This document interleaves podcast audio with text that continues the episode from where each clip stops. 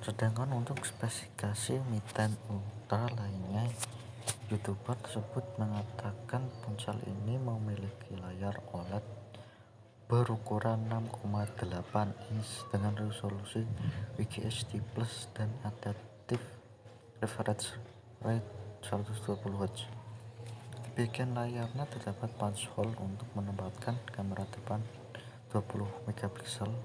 Layar ponsel ini juga didukung dengan Gorilla Glass Victus dan memiliki sertifikasi IP68.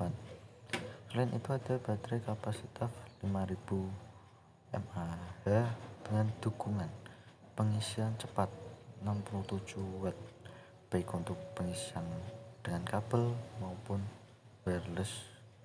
Handphone ini menggunakan chipset chipset Snapdragon tertingginya yaitu seri 888